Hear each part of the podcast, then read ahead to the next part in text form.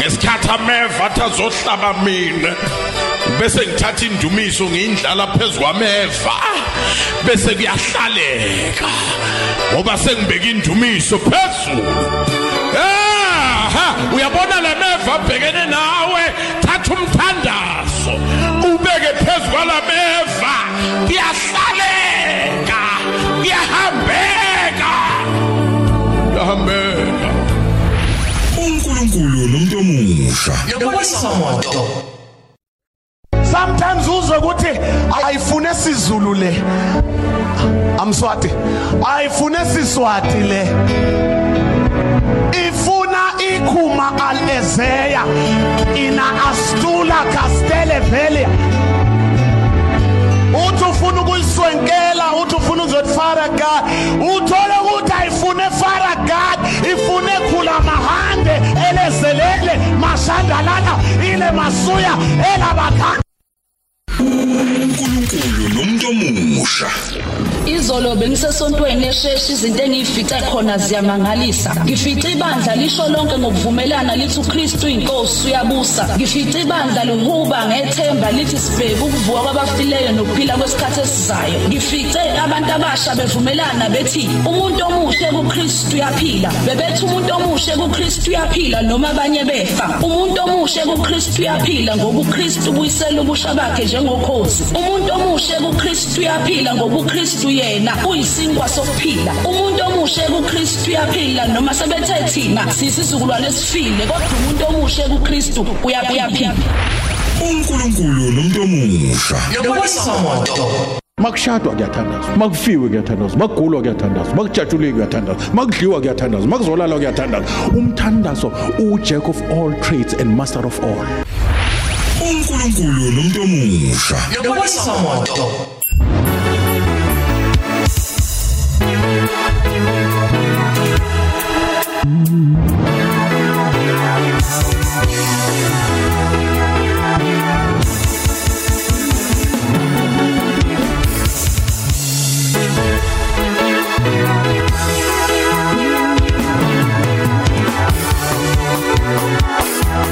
Emsakazweni Khosi FM isikhathi sithi shakalombili mzuzu lishalele shakalombili hora.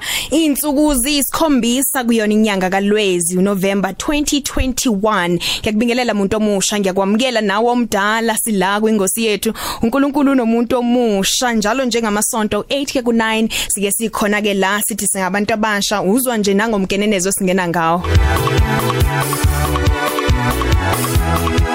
Sithi umuntu omusha okuKristu uyaphila noma abanye befa ngoba uKristu ukuphila. Eh ngempela ke igama lami uboniswa kwamoto ngihlale nje nginawe ngaso lesisikhathi la emsakazweni Khosi FM sibonge ke lapha eh kumfokanzi mande kade sinikeza indaba zokubumbana ngehora leshakalombili ngaphambi kwaloko bekhona umama uthokozani mamkhize wakwaNdlovu kade ke nginikeza umculo omnandi opholile ehlezi nama jazz cats lapha thina ke sizoyibamba nje sinothozama ngalapha ngasethekwini eh kuze kuyobumbana ihora leshakalolunye lapho sebese sinikezela ke kumphazima kalanga esethi ingcwenga. Msakazweni Khosi FM bengikuthembisile na kanjani emini ngathi ngizobuya kulolu hlelo labantu abasha ekade ngikuthulela kuhlelo youth kiyona emini. Namhlanje eh, izinto zami ngikubonisa kona ukuthi ngempela le lesisihloko sokhuluma ngaso uNkulunkulu uthe asikhulume ngaso namhlanje. Ngoba eh, iziningi ingxenye zalolu hlelo kodwa zithi mangaba zihlangana zonke zikhulume ngale ndaba esifuna ukukhuluma ngayo namhlanje. Mangaba ubheka inkundleni zokuxhumana @cozy_fm ku Twitter @boniswa_moto ku Twitter futhi eh, #unkulunkulu nomuntu omusha na ku Facebook boniswa moto page. Uzobona ukuthi sesibeke ithebeni indaba yokuthi namhlanje sifuna ukukhuluma ngokuthi uma ngaba sikhuleka obaba wethu sezulwini sithi umbuso wakho mawufike mayenziwe intando yakho emhlabeni njengasezulwini. Sisho ukuthini? Siyakwazi yini futhi ukuyamkela intando kaNkuluNkulu maseyenzeka ezimpilweni zethu? Nginayo ke nentshumayelo ngizokuphathela yona ngale ka half past 8 ntshumayelo sibe sithulelwa ubaba Reverend Bekizwe bukhosini ngale ka half past 8 na kanjani uhlale nje ungasuka emsakazweni wakho. Kodwa kamanje ngifuna ukuthi sithole umkhuleko wokuvula uhlela Baba egameni lika Jesu Kristu waseNazaretha siyasondela kuwe namhlanje ebusuku sikunika udumo sithi akekho njengawe siyabonga uNkulunkulu wethu. Sibonga ithubo sipha lona njengabantu abasha ukuthi sibe nesikhathi nawe kulolu hlelo uNkulunkulu nomuntu omusha. Siyakubonga Jehova ukuthi unamacebo amahle ngathi njengabantu abasha. Amacebo okusiphumelelisa amacebo okusinikeza ithemba. Siyakhuleka namanje uNkulunkulu wethu ukuthi kulolu hlelo sebenzisa izwi lakho ukusinika amandla. Sebenzisa izwi lakho ukuthi usambulele sikwazi kangcono ngoba lithi izwi lakho abakwaziyo wena Nkosi bayoba namandla futhi baphikelele. Siyakhuleka ukuthi uqiniselo yamuntu omusha nalo yamuntu omusha esalalela izwi lakho. Zambule Nkosi kuye uzibonakalise ubonakalisa amandla wakho ngegama lenkosi yethu Jesu. Amen.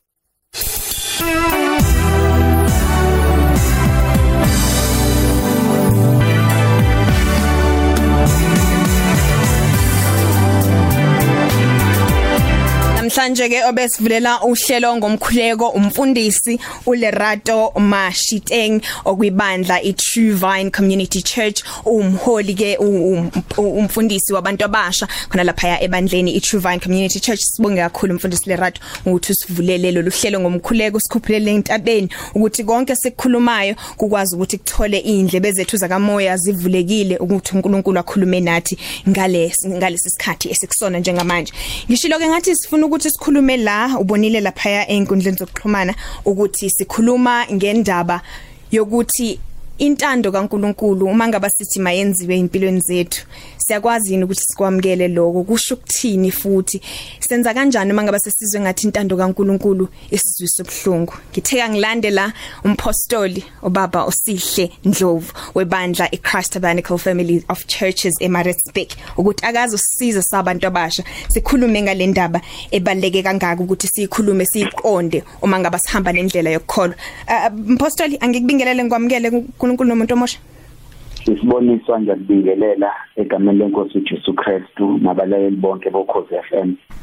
Siyabonga kakhulu ukuthi uthathe lesi sikhathi namhlanje ube nathi empostoli sizokhuluma ngendaba la abantu abaningi abangathi asiyekeni leyo singayikhulumi silindele ukuthi umoya engcwele asivezele asivulele asikhanyisele inhlizweni zethu ukuthi siyiqonde kangcono.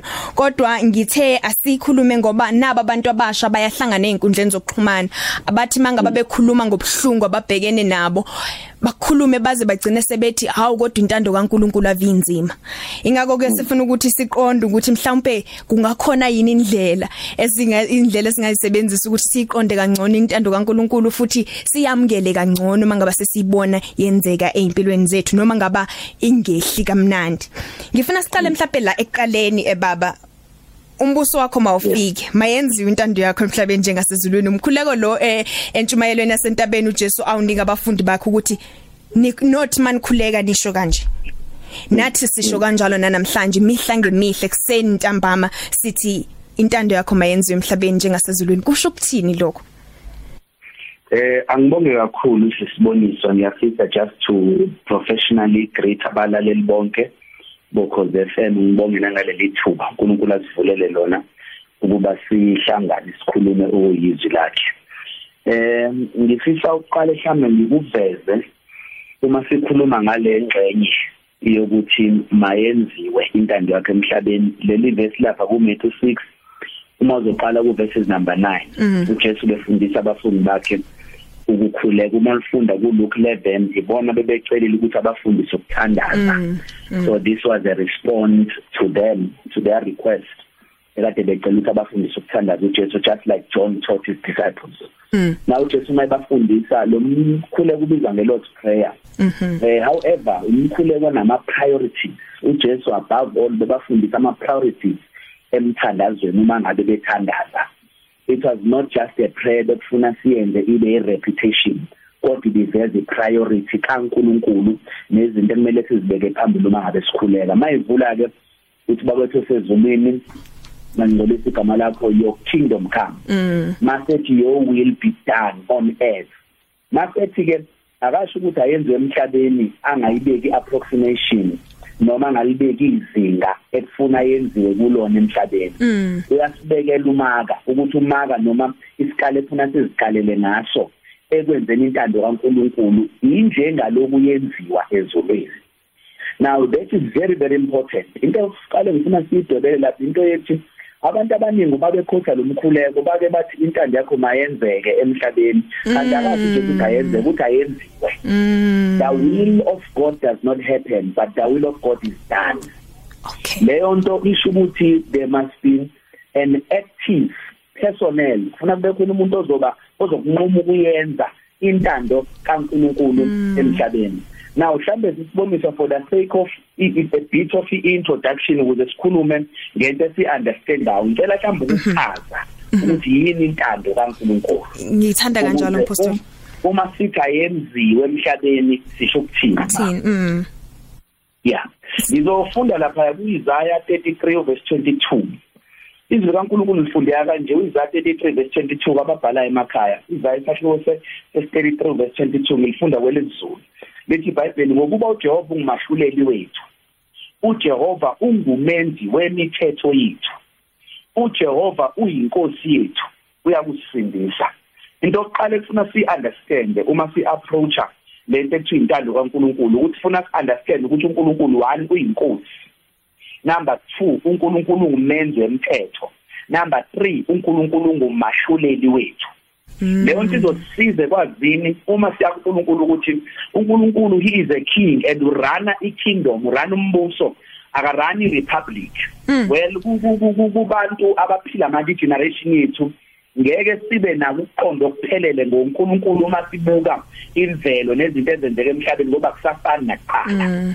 Njengamanje amazwe amaningi ase democratic is the government of the people for the Yes. people and by the people. Kanti uma kiwa kuNkulunkulu umbuso wakhe awuyona irepublic umbuso kaNkulunkulu is a theocratic kingdom. Mathi theocratic kusho ukuthi it is the absolute rule of God. uNkulunkulu kuphela Ish. obusayo ngezwi lakhe. Akavotelwa uNkulunkulu akakhethelwa ukuthi enzeni Ah. akanqunyelwa ukuthi abuse kanjani uyena obusa ngendlela yakhe Ah. nangesikhathi sakhe athanda ngaso. so leyo nto kuthina esiphila manje isizukulwane sethu masikhuluma leyo nto izwakale ngathi yinto ehash ngoba sesijwayele idemocracy simasingayifuni into siyacomplaina ngayo siba ne-strike bese uhulumeni eyayishintsha ngoba intando yeningi uhulumeni obusayo. Uma kuyiwa kuNkulunkulu we are not going to a president we are going to a king. This king has a will this king has a kingdom. He is running a kingdom not just a republic. Now uNkulunkulu kubusa kwakhe ke ubusa ngama decrees makuthiwa ama decrees kushiwo izimiso. Kushiwo izimiso uNkulunkulu nezimiso nezinto azimisile mawufunda nje Ephesians 1 usuka lapha ko verse 15 uzoza ukuthi lithi iBhayibheli God takes counsel from his will. Ngisho uNkulunkulu efuna iseluleko uye entandweni yakhe ayobuza kuyona. So he is a God who depends on his will. Ngifuna sibuke ukubaluleka kwentando yakhe uNkulunkulu embusweni wakhe number 1 ngizocela intando kaNkulunkulu ukuze because of time ngizoyenza nje izinhle ezimbili ngihlukanise kabili ukuze umlaleli osekhaya aqonde kahle ukuthi masikhuluma ngentando kaNkulunkulu sikhuluma ngani nokuthi makuthiwa yenziwe kushiwo yiphi Kuthiwani. ingxenye yentando kaNkulunkulu thina siyenzayo number 1 sinentando kaNkulunkulu ebizwa ngesovereign will leligama elithi sovereign lisho ubungqongqoshe lento ebengiyichaza. Ukuthi uNkulunkulu ubusa yena ngendlela athanda ngayo. And akekho ngamquestion ekubuseni kwakhe ngoba uyena oyistandard sokulunga.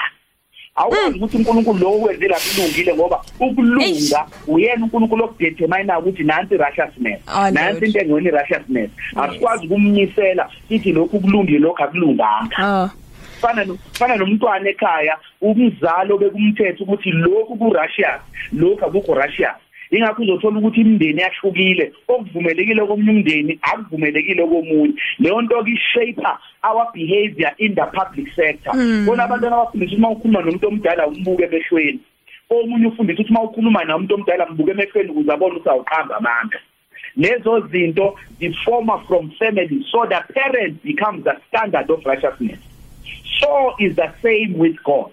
uNkulunkulu uyisitandard serighteousness. Uyena uyena uyisitandard sokulunga nejustice nerighteousness yonke into ayenzayo ijust and irighteous ngoba uma yenziwa nguye iba ukulunga ngoba uyena okunqumayo ukulunga ukuthi kuhamba gcine la akupheli uma ngabe sekula so ke sinalokho esithi sovereign will. Isovereign will intando kaNkuluNkulu yobungqongqoshe. Lena ke eboniswa nabantu lemakhaya le lentando ngeshintshwe muntu. Le.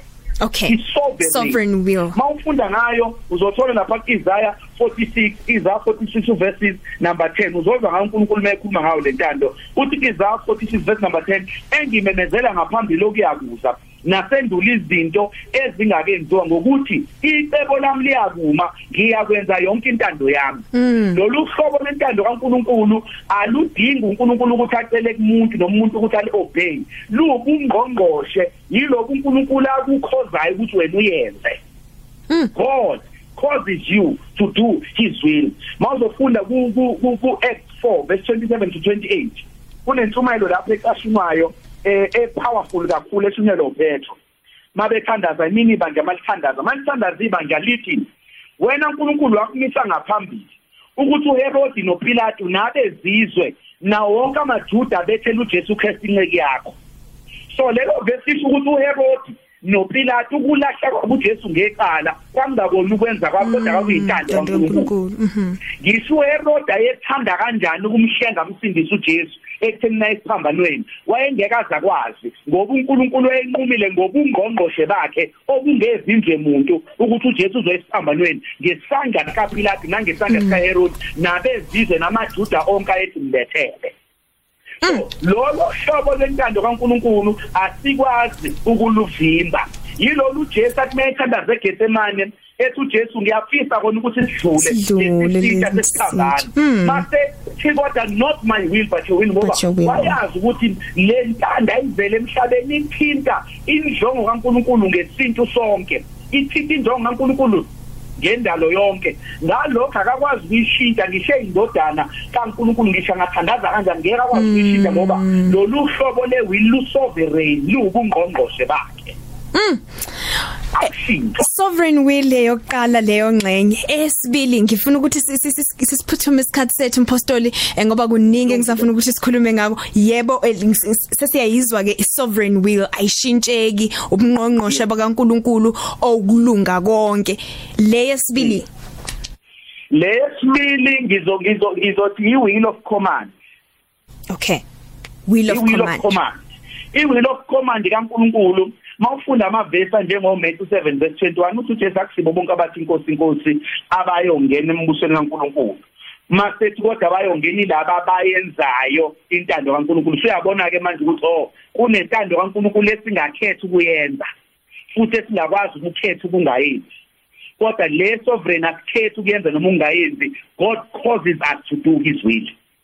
So le will of command yila mawufunda of 1 Thessalonians 4 verse 3 uzobona ukuthi uthi uPaula le intando kaNkuluNkulu ngani ubungcwele benyo sanctification uthi you must abstain from sexual immorality. La uNkulunkulu akabambi umuntu ngenkani ukuthi amenzise. Yile ntanda afuna sinqume ukuyenza noma singanqumi ukuyenza. Mawufunda u 1 Thessalonians 5 verse 18 uthi umpostoli Paul give thanks in all circumstances. Yes. for this is the will of God for you in Christ Jesus. So intando kaNkuluNkulu ngoKristu Jesu yethu eyokuthi sibonge zona zonke izimo. Kodwa iqiniso lithi akusiyena wonke umuntu omzalwane othi mayedlule esimene esithize bese yabonga. Lokho kuyazivezela ukuthi lolu hlobo lentando kaNkuluNkulu ayikho so- noma imili ngeshintshwe kodwa umuntu uyakwazi ukunquma ukuyenza noma anquma ukungayenzi i-will of command ila uNkulunkulu esikhomanda khona ukuthi senze izinto ila uNkulunkulu etha senze 1 no 2 no 3 bese thina ngobethu kunquma lokho esithi free will and free moral agent. We can choose to do what God says or we can choose not to do what God says. Of course there are consequences for that. Yes. Bengade ngithi ngifuna ujesethi intando yakho mayenziwe emhlabeni njengasezulwini. Ah. leyo nto ifuna sicheke ukuthi yini eyenziwa ezulwini. Number 1 eyenziwa ezulwini akekho umuntu owenza into efunwa uyena. Ah okay. Wonke umuntu osezulwini wenza into efunwa uNkulunkulu uNkulunkulu. uwandoyo so ezulwini kubusa uNkulunkulu absolutely. Akekho wenza umathanda wakhe akekho ukhuluma into ayithandayo ngesikhathi asithandayo. So lo mthandazo uprophetic in nature.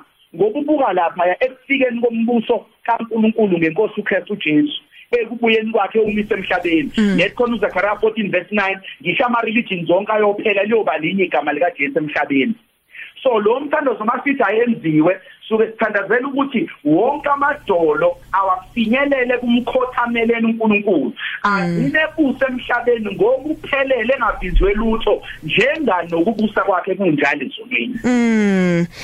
Baba masithi your will be done sithi ukuthi let heaven and earth be the same thing Uh okay. Alright. Yes. Musanda ukuvula umsakazo wakho usasanda ukusijoyina sinengxoxo la njengoba uzumpostoli esichazela. Ngiyabona nalapha ya ku Twitter neyithanda kakhulu lengxoxo yanamhlanje. Intando kaNkuluNkulu ukuthi iyini intando kaNkuluNkulu? Thina siyenza kanjani? Se- senza kanjani ukuthi mayenzeke empilweni zethu noma siyenza thina? Kube ukuthi ngempela i- i- i- a- a- akukho la positive khona hawo kodwa intando kaNkuluNkulu eh yazi yasizwisa ubhlungu eh ngifuna ukuthi siqhubeke si- si- si- si- si- sibuke okulandelayo mpostoli ngoba ngiyabona ukuthi isikhathi sethu sizogcina sesishiya kodwa engikuthandayo ukuthi nangesonto elizayo ngoba kuningi engisafuna ukuthi sikhulume ngale ngxoxo. Ikakhulukazi mase sikhuluma ngokuthi kuthiwa kodwa asithandaze eh sisibeke izicelo zethu kuNkulunkulu. Ku- ku- kungena kuphi lokho sifika kanjani lapho? Mangaba ukuthi kanti kukhona isovereign will kaNkulunkulu ezokwenzeka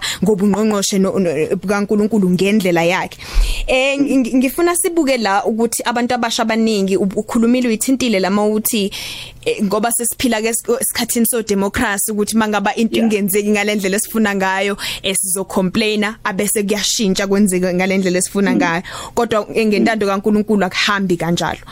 Eh ngangibona ku Twitter ngicabanga ukuthi o- o- o- omunye o- umuntu wa- o- omusha owayelahlekelwe ingane yakhe encane eh, eneminyaka ewu4 eh kuningi es- esibhekana nabo abantu ba- aba- abalahlekelwa abazali balahlekelwa izingane zabo.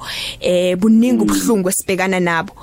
Lapho kulobo buhlungu athi umuntu uNkulunkulu bekuphi mangabe intando yakhe le yaze yangizwisa ubhlungu Mm.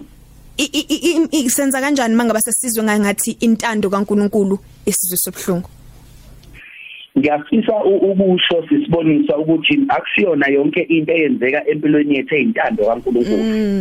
Akusiyona yonke futhi into eyenzeka emhlabeni eyintando kaNkulunkulu. Kufuna sikhumbule ukuthi noma siphile emhlabeni emhlabeni ingakho ethi uJesu asithandazela ukuthi ayenziwe intando kaNkulunkulu ngoba as long as ingakenziwi intando kaNkulunkulu ama occurrences afana nale story sixoxayo azoba possible ngoba kunesitha.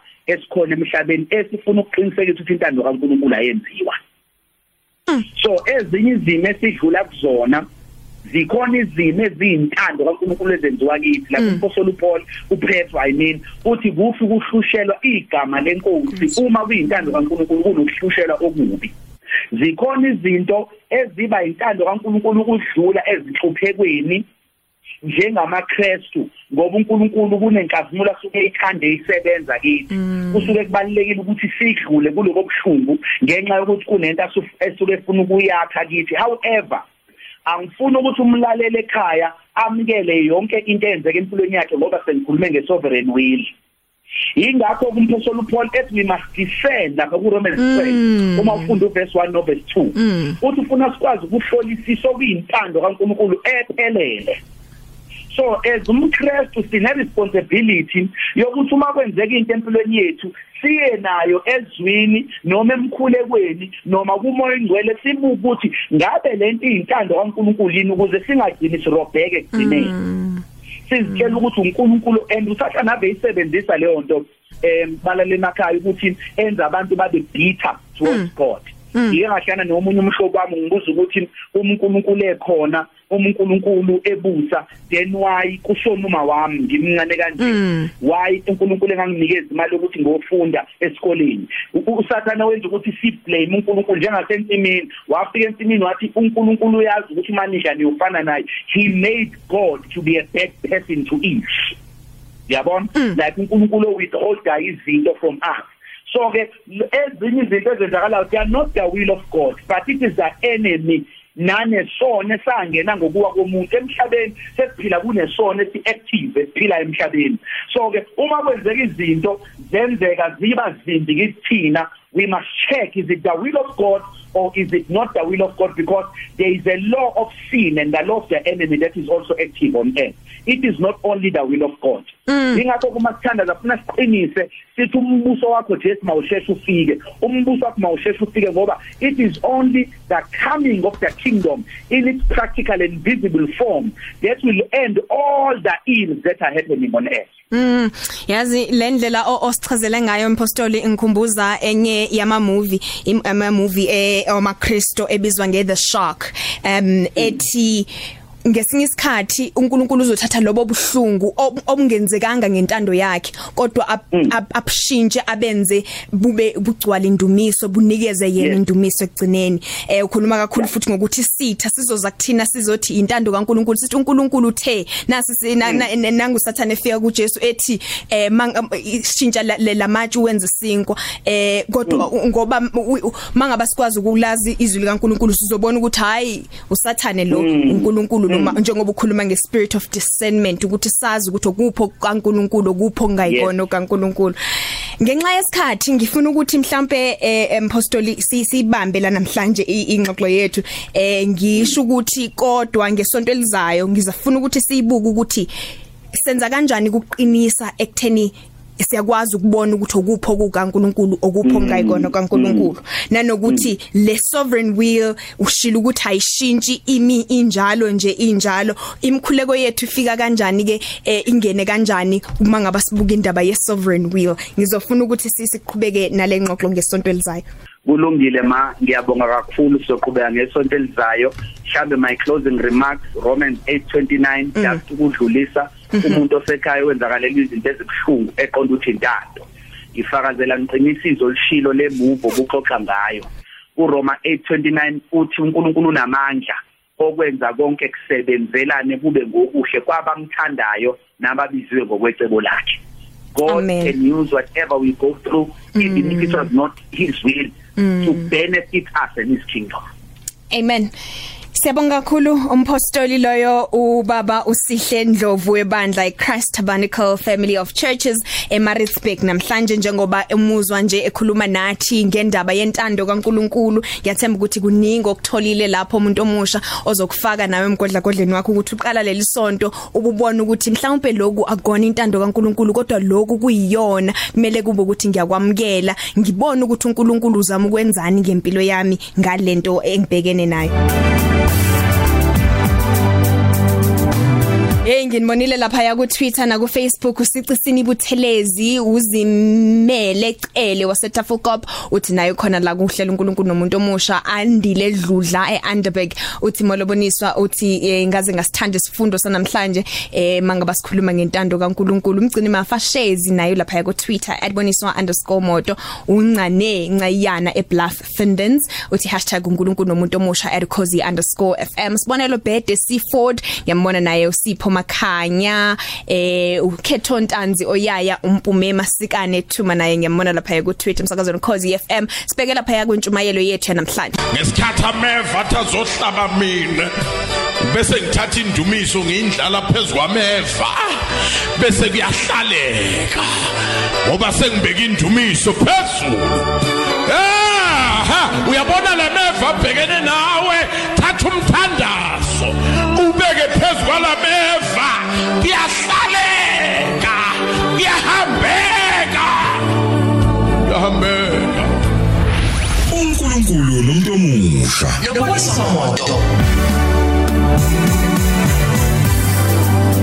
moto. sisahamba njengalowo mazwi ukuthi icebo likaNkuluNkulu lingevinjwe. Ngifuna siphuthumela lapha ya kwentshumayelo yethu namhlanje. Intshumayelo siyithulelwa ke ubaba Reverend Bekizwe ebukhosini ngifuna ukuthi ngikunikeze yona njengongaphandle kokupholisa amaseko.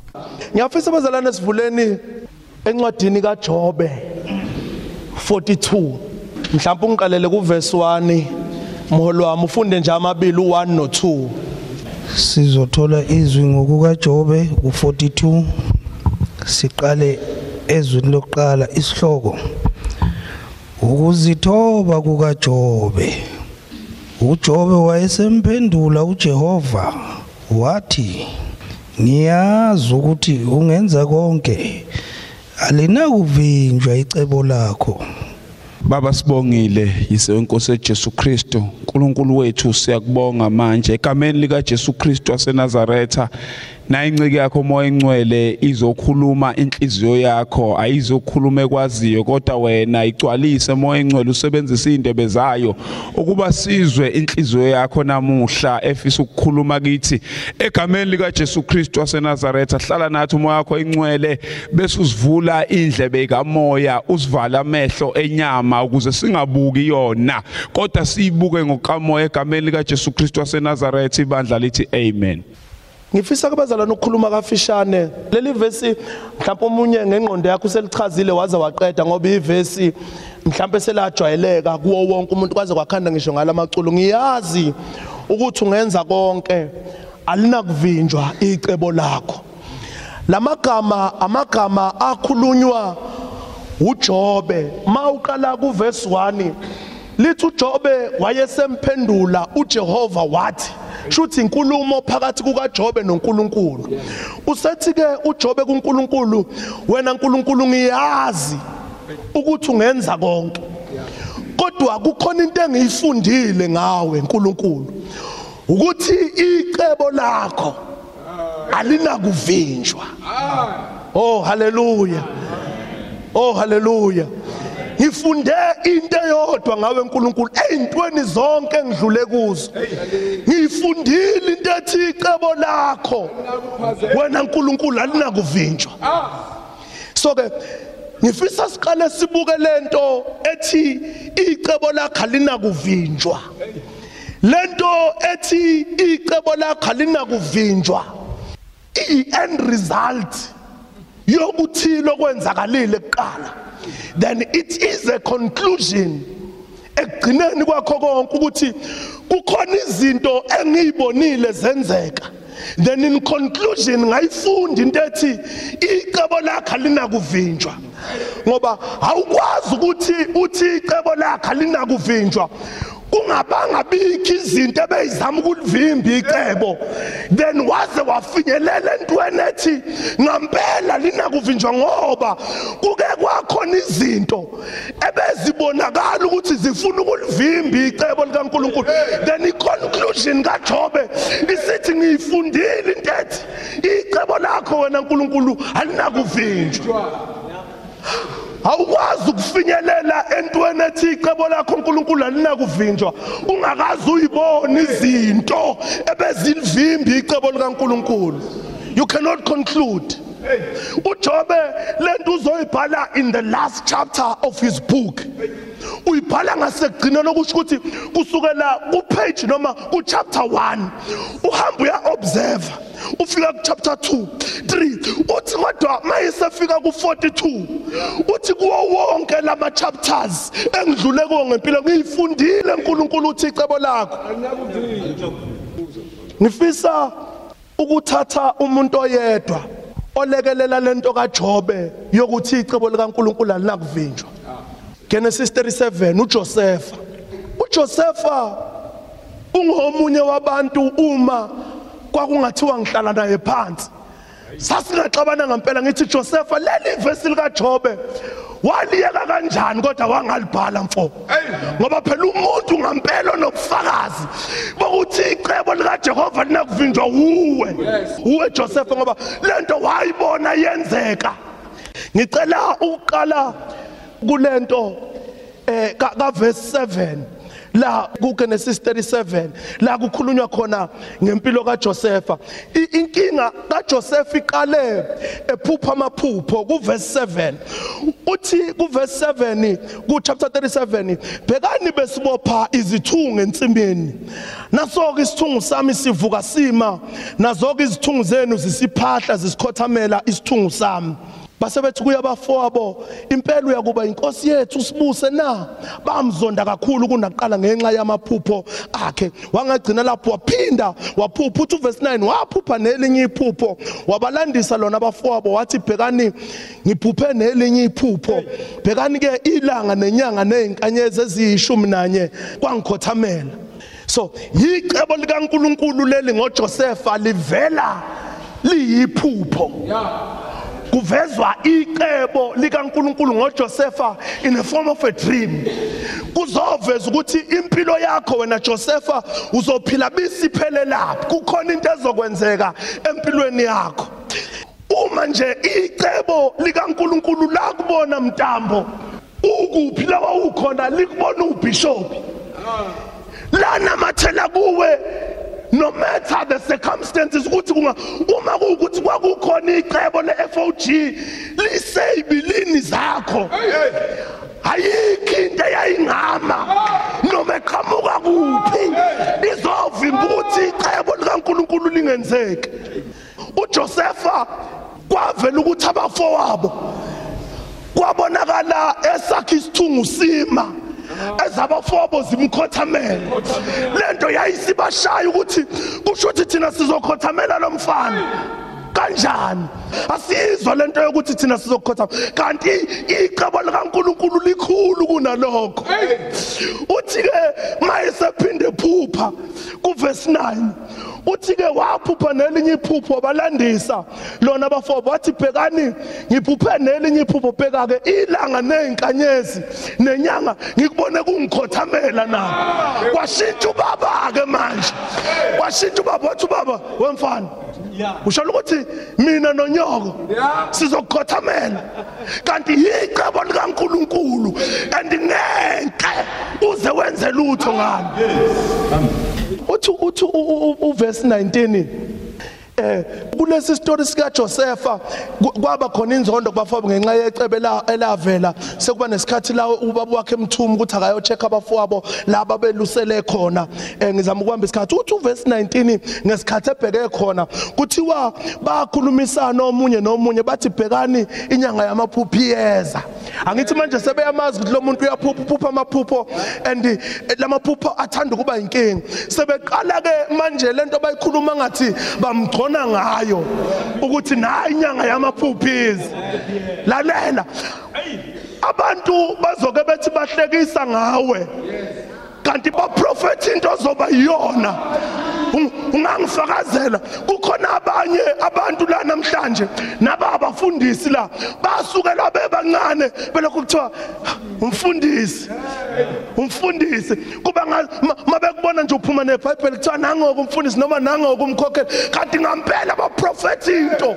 Ozoba ungakwati ungakwati.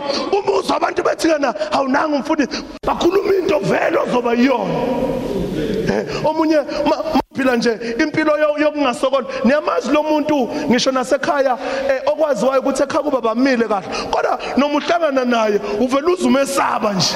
Bese kuthiwa hawunasi isigwili sendawo ungagwilikile ungaphatheki kabi. Bayayibona into ozoba yiyo lento yokuba isigwili imfanele.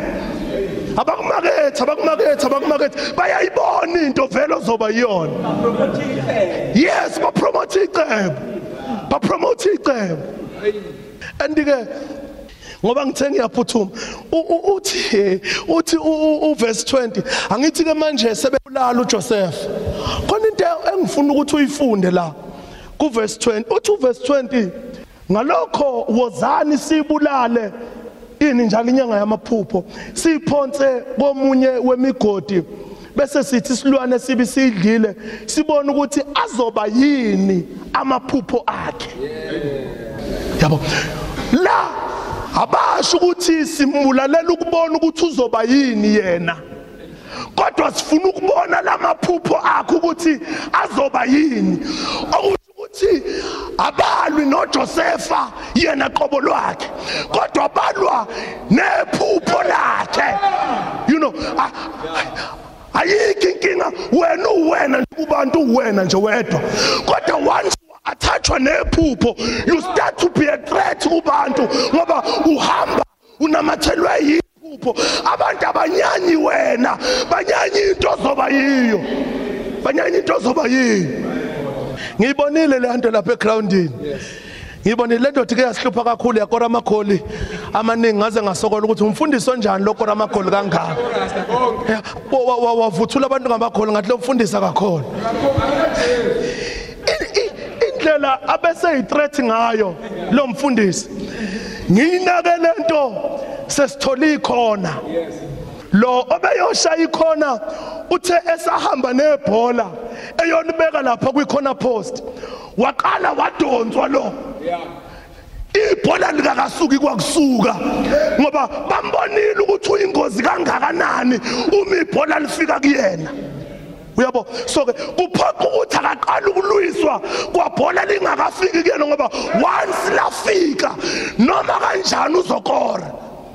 Besikhona nathi kodwa ngoba sikoranga besingasiyi threat kubantu. Uyabona into eyenza ukuthi abantu njalo kungazathi wena abafuni ukubona uphila ngokuthula? Bayakwazi ukuthi uyi-threat kangakanani. Abalwisani nawo. Abalwisani nawo. Kuliswana necebo. likaNkuluNkulu. Ku- kwesinye isikhathi ungaze unga-understand ukuthi kanti kubo bonke abantu abazondwayo endaweni yini mina ngedwa? Kukhona into ebonakalayo la kuwo angithi la kuthi- kuthiwa kuthiwa uJoseph kwathiwa sifuna ukubona ukuthi iphipho lakhe lizoba yini masimu? Hayi yena this thing is not about you kodwa inecebo mawubona ngazi ukuthi i- izinto sha ngoba kwesinye isikhathi izinto zike yishaye uzuthi ngoba ngisebenzi nje anginamali neningi anginasikhundla nasebandla yini kanti ama-challenges angaka? Usathane uyasaba ukuthi ma kwathiwa kufika ithuba kuwe uyokwenza inkinga. Cebo likankulunkulu kodwa alinakuvinjwa. Sengiyavala bazalwane. Cebo likankulunkulu. Alinakuvinjwa you know uyazi ukuthi iqiniso elikhona abanye bethu la mhlambe ngaba basekho. Abanye basinde kwi-covid. Abanye basinde ibhanyini abanye basinde kukho konke abasinde ku. Hayi ngoba bebenamandla okusinda.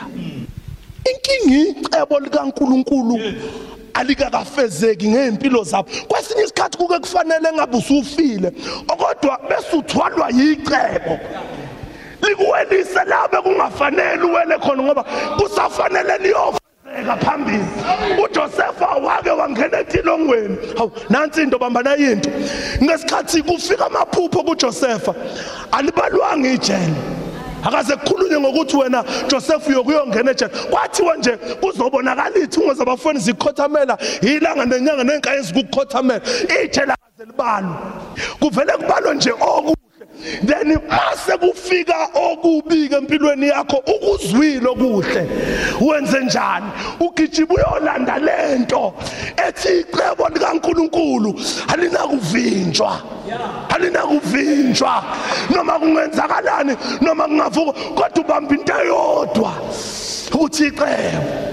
Ese esefike kuswelakele icebo lokuthi kungenzakalani kule ndlela kule ndlela ezayo kanti kuyofezeka icebo lokuthi akhothanyelwe ukuthi wangena emgodini it doesn't mean ukuthi icebo likaNkuluNkulu ngelifezakala isimo manje noma ngabe uswele noma ngabe uhluphekile ayizukulivimba icebo likaNkuluNkulu. Noma ngabe ulele phansi okwamanje.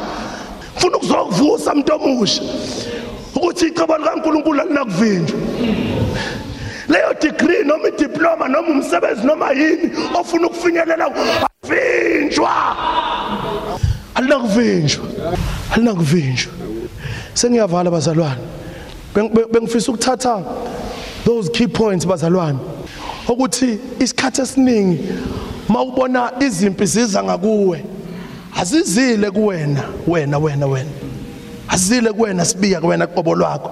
Zizecebweni zizoshaya icebo ukuze lingafezeki.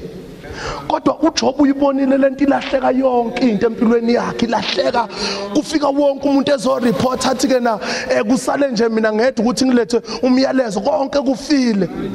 Kodwa wabona uJob izinto zirestore wama wabuka. Wathi hayi uNkulunkulu sengibonile ukwenza konke kodwa khona into esengiyifunda la ukuthi icebo lakho uNkulunkulu alinakuvinjwa. Sengivala. Kukhona icebo elikhulu ke likaNkulunkulu ngomuntu ephila. Ngiyacela niyibambeni lebazalwane ngicela uma- uma kukhona oseduze kwakholela umvusi. This one is very important bazalwane. Ngoba sakhe ibandla la.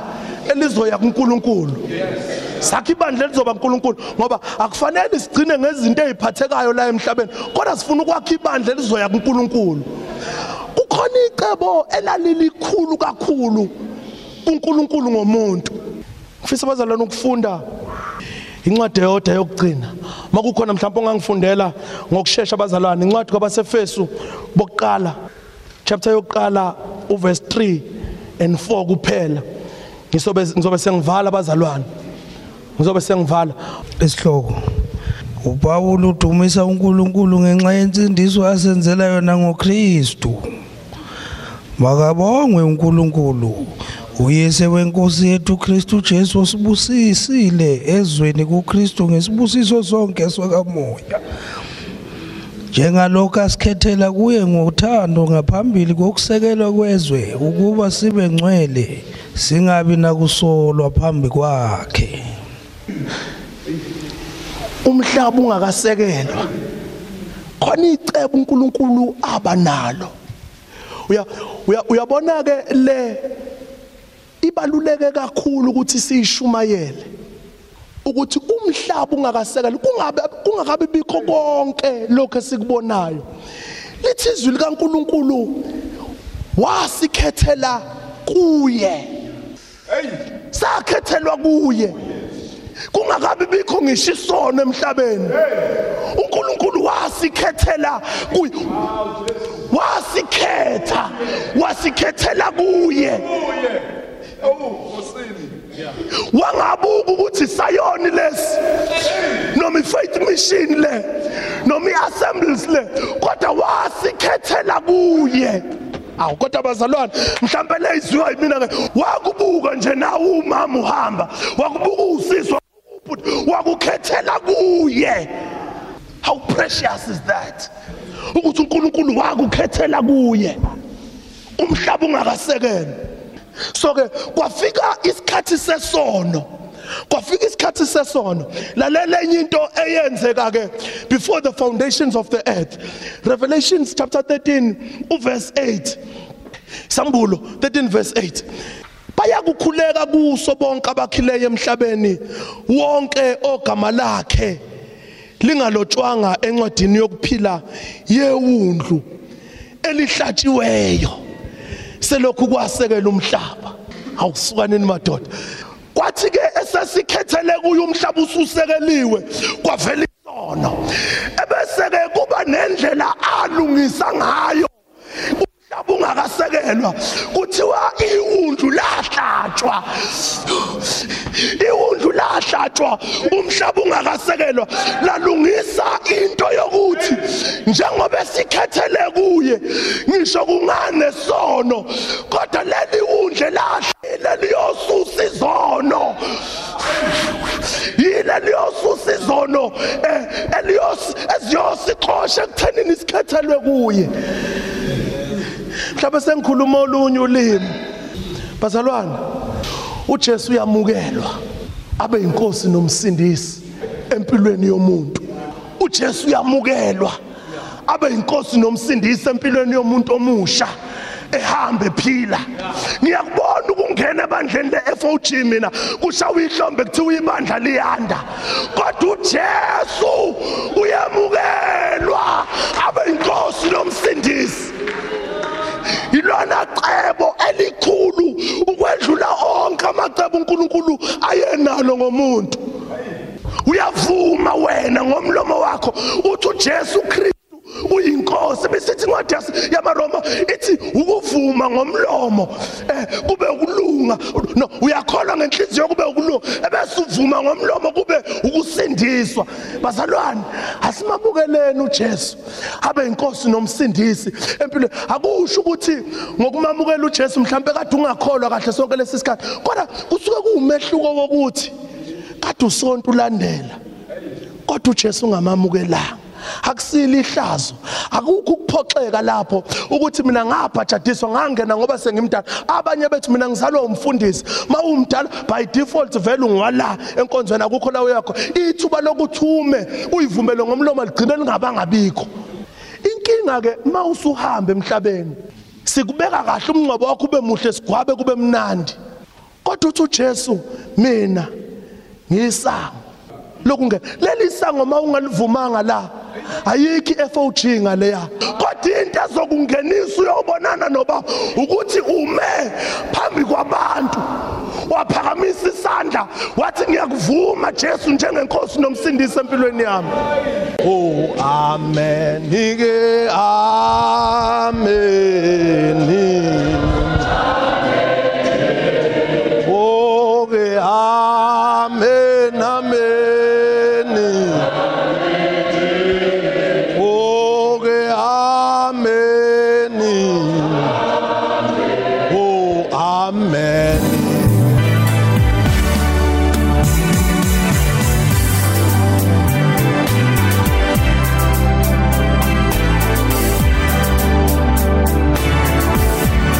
Athi uNkulunkulu ngingakakubumbe esiswini ngakwazi ungakaphumi esizalweni ngakungcwelisa ngakubeka ukuba umprofeti ezizweni. Icebo ke likaNkulunkulu elinjalo angeke lize livinjwe umuntu empilweni zethu. uNkulunkulu uthi unamacebo amahle ngathi okusiphumelelisa.